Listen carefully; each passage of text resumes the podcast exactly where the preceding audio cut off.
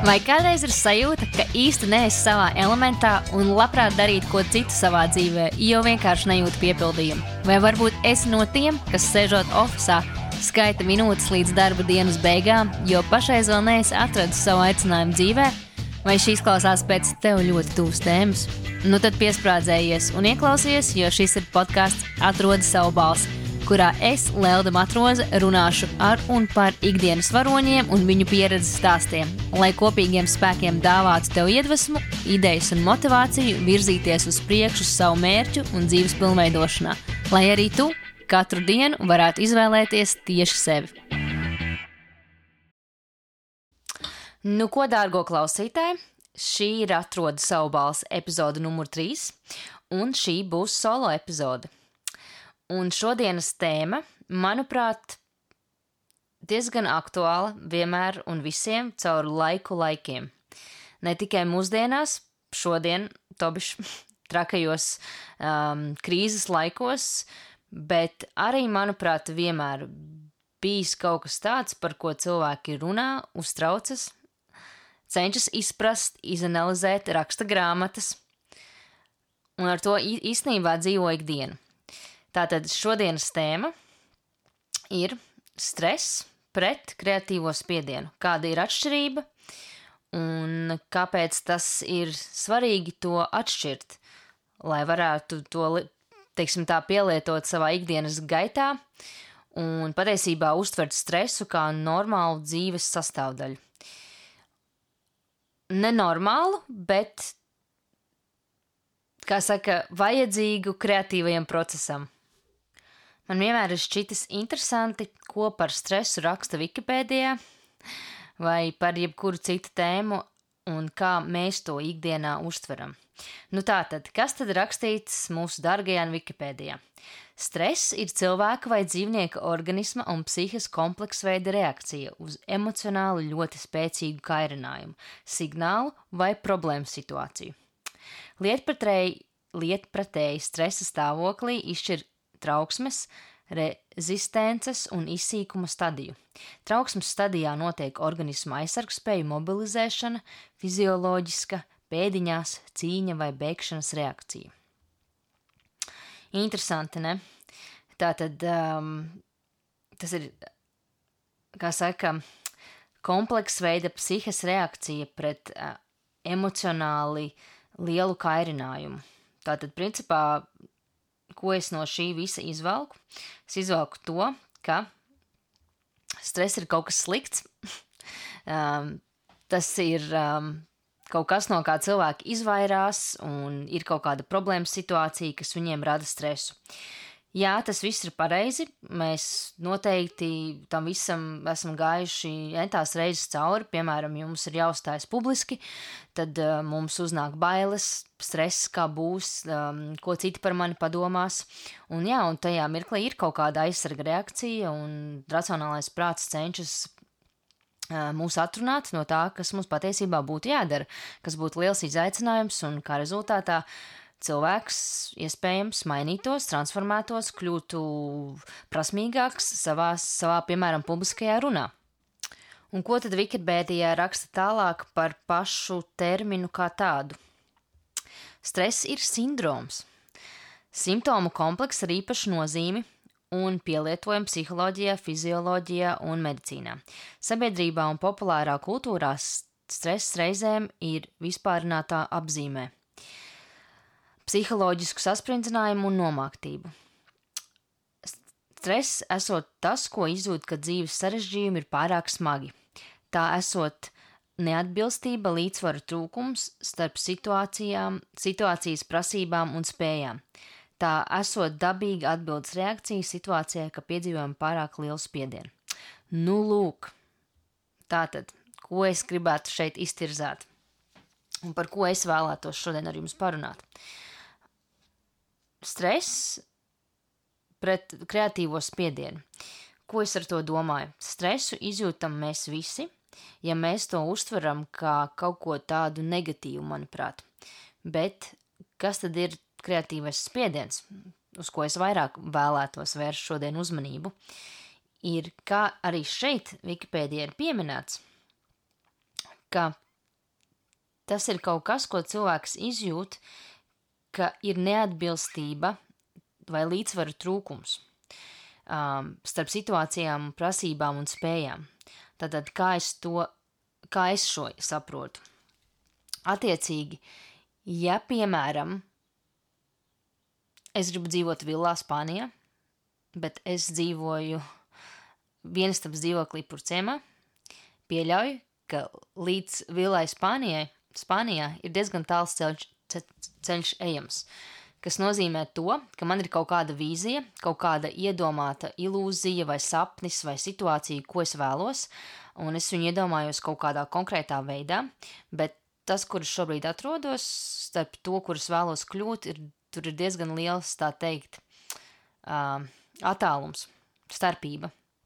Un tas man rada stresu, jo es jūtos, ka man varbūt nepietiek prasmes, vai man nepietiks spēka, vai man nepietiks dušas, zināšana un viss, viss pārējais, kas ir nepieciešams, lai nokļūtu tur, kur es vēlos nokļūt. Tas ir attiecināms, manuprāt, gan uz tādām lielākām vīzijām un mērķiem, gan uz ikdienas situācijām, kā pirmīt minēju par uzstāšanos publiski darbā, vai kādā pasākumā, vai kāzās. Nu, lūk, un tā starpība no tā, kā mēs to iedomājamies, no tā, kā tas patiesībā ir, tas mūsos rada stresu. Protams, tajā visā iekšā vēl ir psiholoģiskā spie spiedze. Jā, arī spiedze, bet viennozīmīgi arī spriedze. Un kāpēc, manuprāt, spiediens jeb stress ir nepieciešams? Lai gan īstenībā paradoxāli, ja šobrīd es atrastos telpā uz skatuves un es runātu ar auditoriju un es uzdotu jautājumu, mm, kuram no jums patīk stress, noteikti nepaceltos daudz rokas. Bet ja es uzdotu jautājumu, kuram no jums nepatīk stress, pieļauju, ka vismaz 80% no cilvēkiem esošajā telpā paceltu rokas. Kādēļ tas tā ir? Manuprāt, tas ir dabīgi, bet cilvēki līdz galam neizprot, kāpēc stress, jeb spiediens, es to saukšu par spiedienu, ir nepieciešams. Jo, ja mēs palūkojamies pasaulē, kas vispār notiek, tad nekas nenotiek, tad tā teikt, miera stāvokli absolūti nekas nenotiek. Ja es šobrīd skatos ārā pa logu un es redzu, ka vējš purina maisiņu pa gaisu, maisiņš noteikti nespētu plivināties apkārt, ja nebūtu kaut kas, kas viņu paceltu gaisā. Tobišķi kaut kas, kas, kas viņām radītu tādu kā, kā lai pasaka, inerci, nē, bet kaut kas, kas viņam liktu kaut ko darīt. Šajā gadījumā tas ir vējš, kā piemērs. Bet tas ir jebkas, pasaulē, piemēram, dzemdībās, dzemdības ir ļoti smagas, acīm redzot. Nē, esmu piedalījusies tikai kaut kad ļoti, ļoti sen apakaļ, pirms 30 gadiem, neko neatceros. Bet personīgi pati neesmu māte, tāpēc nespēju to komentēt, bet es zinu, ka tās ir ļoti liels ciešanas. Kā rezultātā pasaulē nāk jauna dzīvība, kas ir ļoti skaisti. Vai tas būtu noticis, ja tas nenāktu caur spiedienu? Vai arī visas tās garās naktis, ko mēs pavadām, rakstot bakalaurus, kursa darbus, maģistrus un visu pārējo, vai tas arī notiktu miera stāvoklī un būtu lieliski rezultāti, ja tur nebūtu spiediens. Principā, ko es vēlos pateikt, ka bez stresa un bez spiediena absolūti nekas dzīvē nenotiktu. Tie cilvēki, kuriem patīk iečelot, kuriem patīk meditēt, nodarboties ar jogām, tas viss ir forši, bet jautājums ir tāds, vai šīs garīgās prakses, kas īstenībā ir ļoti noderīgas, un es nesaku, ka tās tādas nav, bet jautājums ir tāds, vai cilvēks to dara tāpēc, ka viņš cenšas atrisināt stresu, lai nebūtu patiesībā jāatrodas spiediena stāvoklī un nekas nebūtu jārada. Jo bieži vien mēs cenšamies, kā saka, atrisināt stresu, spiedienu, tā teikt, nevisai funkcionālā veidā.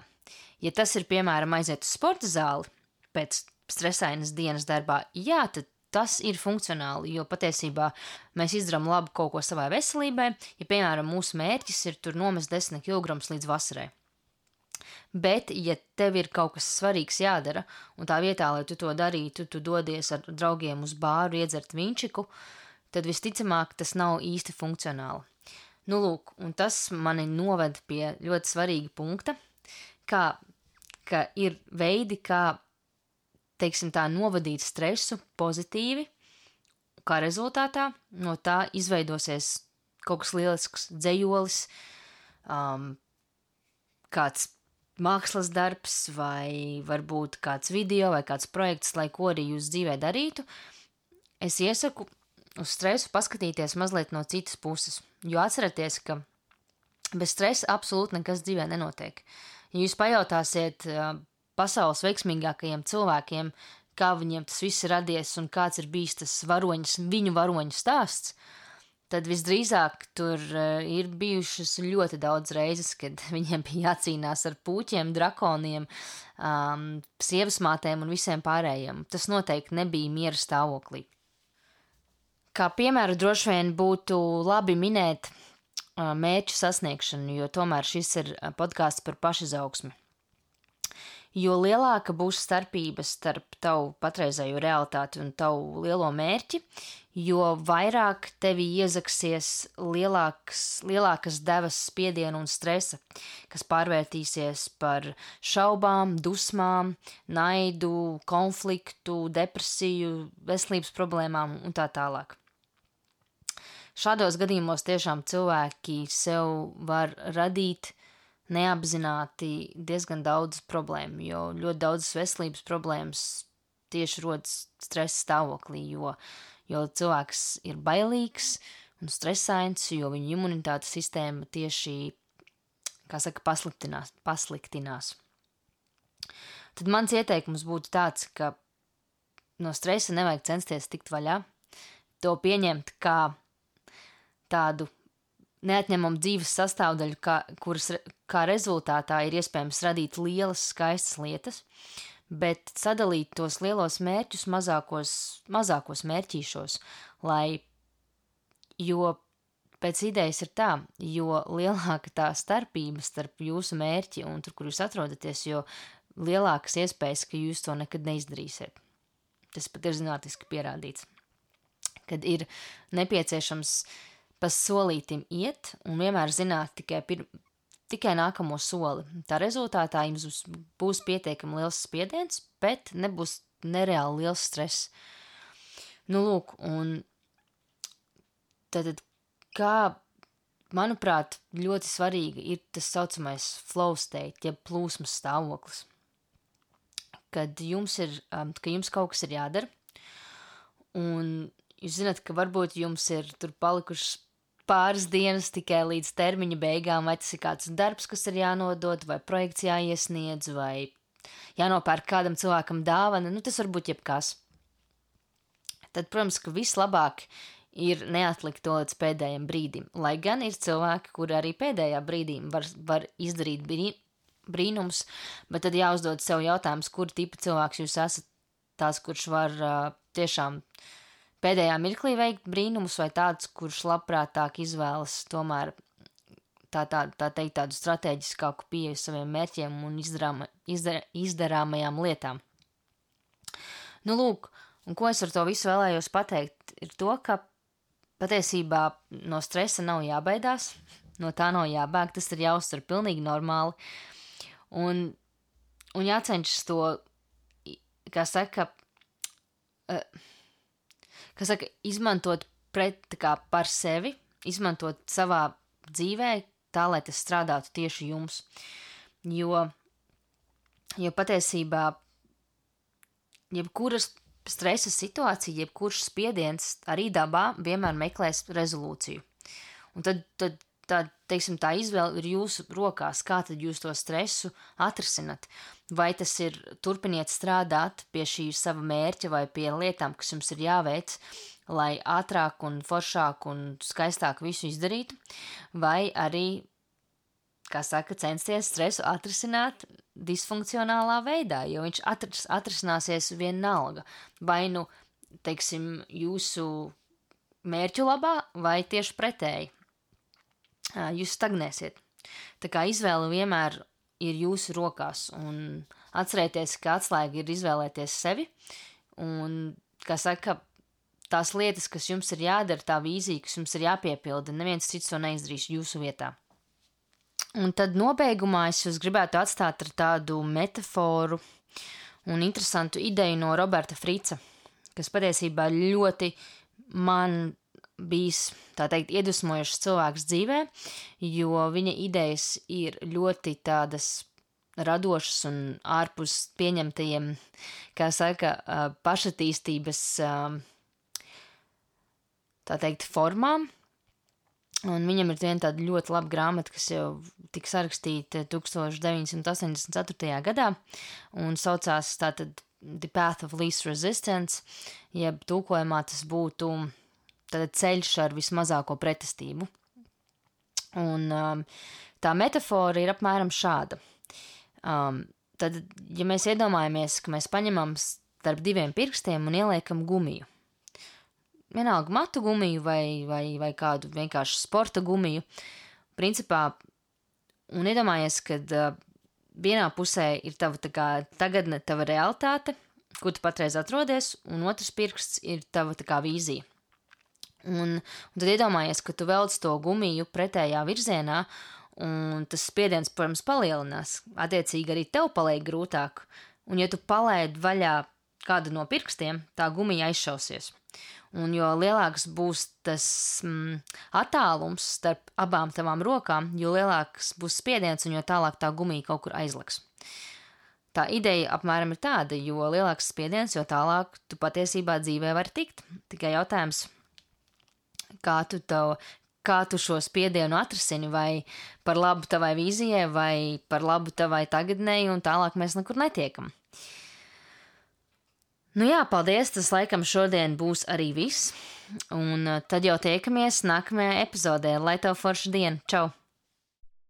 Paldies, ka noklausījāties šo epizodi līdz galam. Ceru, ka ieguvu iedvesmu un smaidu sejā. Ja tev patika, ko dzirdēji, droši dodies uz podkāstu aplikācijas sadaļu atsauksmes, jeb reviews un padalies savos iespaidos. Kā arī nodot ziņu saviem draugiem, ģimenei un paziņām, ja tavuprāt viņiem tas noderētu. Tavs atbalsts un arī vērtējums man ir ļoti svarīgs. Labprāt dzirdētu arī tavus ieteikumus.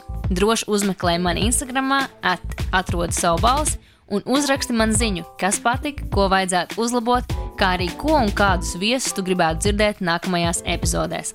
Lai tev suprīgi šī nedēļa, pagaidām čau!